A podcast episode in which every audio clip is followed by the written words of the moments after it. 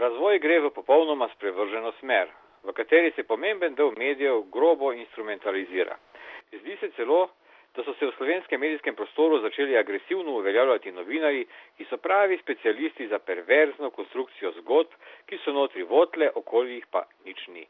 Recimo novinar, ki je ustvaril zgodbo o Patriji in zdaj še zgodbo, ki bolj kot na resno novinarsko delo spominja na priredbo televizijske miniserije Pesen ptic Trnovk, torej o domnevnem očetovstvu nadobudnega in menda pohotnega kaplana, ki je danes kardinal. Te besede je nedavno na planetu, portalu Siola, objavil Borut Rončevič, sociolog, izvedni profesor na fakulteti za uporabne študije v Novi Gorici, ki je hkrati tudi vede direktorja direktorata za visoko šolstvo in znanost. Citat smo izbrali skoraj da po naključju. Podobnih je na tem portalu že nekaj mesecev namreč kakor solate. Planet vse bolj spreminja svojo orbito in to tako, da ga vse bolj zanaša v desno. S tem seveda načeloma ne bi bilo nič narobe, če za to mašinerijo ne bi stal državni kapital in podjetje, ki je svoj spon doseglo z denarjem davkoplačevalcev in obilno državno podporo.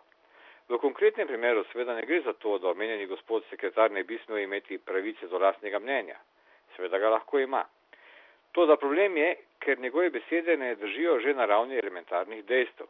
O tem, ali je sam predsednik vlade Janez Janša v aferi Patrija kriv ali ne, bo seveda končno besedo imelo sodišče. To zatrditi, da je celotna zadeva perverzna konstrukcija in zgodba, ki je od znotraj votla, zunaj pa je nič ni, je res zavajanje na kvadrat. Njega sodnega postopka, ki bi uspel dokazati, da denar za provizije ni bil nakazan in da podkupnine niso bile izplačane. Trditi, da si novinari, ki objavljajo ta dejstva, vse skupaj preprosto izmišljujejo, je zato neresnično. To seveda ne pomeni, da novinari pri poročanju o aferi Patrija ne bi naredili tudi nekaj resnih profesionalnih napak, kar se je pokazalo predvsem pri poročanju dela o brezplačnikih in Patriji. Tudi v primeru poročanja o kardinalovem domnevnem očetovstvu, časopis, ki objavi zgolj dejstva o tem, da nekdo želi doseči ugotovitev očetovstva, celo v primeru, da bi se pokazalo, da omenjeni ni sin kardinala Rodeta, seveda ni storil nobene profesionalne napake. Kje je torej težava? Težava je v tem, da imamo v primeru Janševe vlade znova upraviti z medijskim inženiringom, ki je zelo podoben poskusu vplivanja na javno mnenje z brezplačniki. To zato, ker vlada ravna nekoliko drugače. Namesto, da bi s časopisnimi brezplačniki prepričevala ruralno prebivalstvo Slovenije, poskuša svoj vpliv okrepiti v elektronskih brezplačnikih, predvsem v okviru medijev državnega telekoma, dolgoročno pa z rušenjem nadzornikov in prevzemom nadzora nad RTV Slovenija. Težava je seveda v tem, da gre za medije, ki so pretežni državni lasti in bi kot takšni morali služiti vsem, njihova uredniška politika pa bi morala odražati pluralizem stališč v družbi. Toda, ko gre za nedavne razprave o Rdeči zvezdi, prisotnosti organizacij Zveze borcev na državnih poslavah, izgonu načkofa Urana in domnevnem očetovstvu kardinala Rodeta, gospodarskih temah, Zoranu Jankoviču in drugih ključnih figurah opozicije, medij udarno enostranski do te mere, da je njegovo politično udinjanje zgolj eni politični opciji več kot očitno.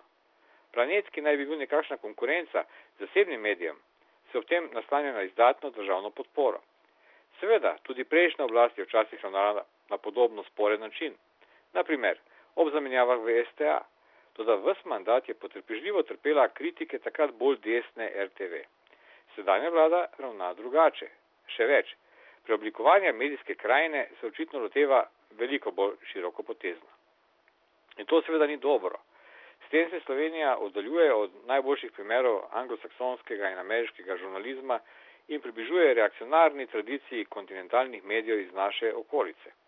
Poglejmo nekoliko v preteklost, ko so bile zadeve veliko jasnejše kot danes.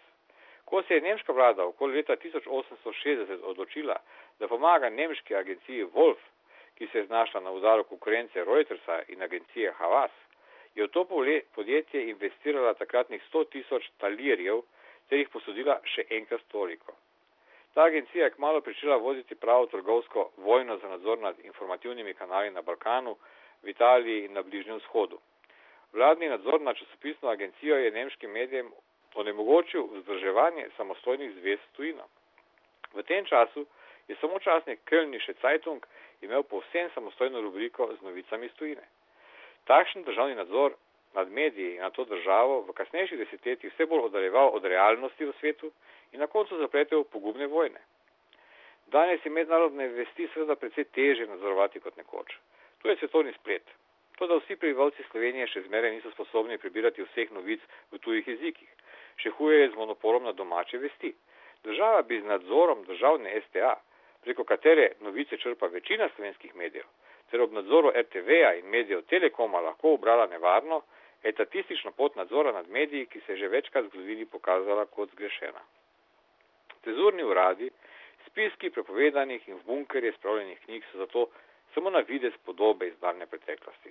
Cenzura in omejevanje svobode tiska očitno tudi v Sloveniji niso izginili že z nastopom demokracije, pač pa so zgolj spremenili svojo podobo. Na mesto člena 133 so tukaj členi kazenskih zakonikov, ki prepovedujejo izdajo državnih skrivnosti, na mesto državnega pregona piscev politično obarvani pregoni posameznih strankarskih funkcionarjev in pregoni zaradi domnevnih žalitev, na mesto partijskih in sodnih fars sodniki pod političnim pritiskom, na mesto sodnih zaprem časopisov visoke globe, na mesto beruf srbota pogojne kazni, na mesto cenzure pa nadzor nad mediji preko državnega lasništva kar rojeva samo cenzuro, ugajanje topoumni povprečnosti, konformizem in izogibanje nevarnim temam. Zgodovina novinarstva je zgodovina spopadov za svobodo javne besede, ne spopadov za absolutno svobodo, ker te seveda ni, pač pa za svobodo govora in tiska, ki je v demokracijah jasno omejena z zakoni. Elektronski brezplačniki nam vsak dan znova dokazujejo, da so to vrednote, za katere se je še vedno vredno boriti. Terminal je pripravil Igor Mekina.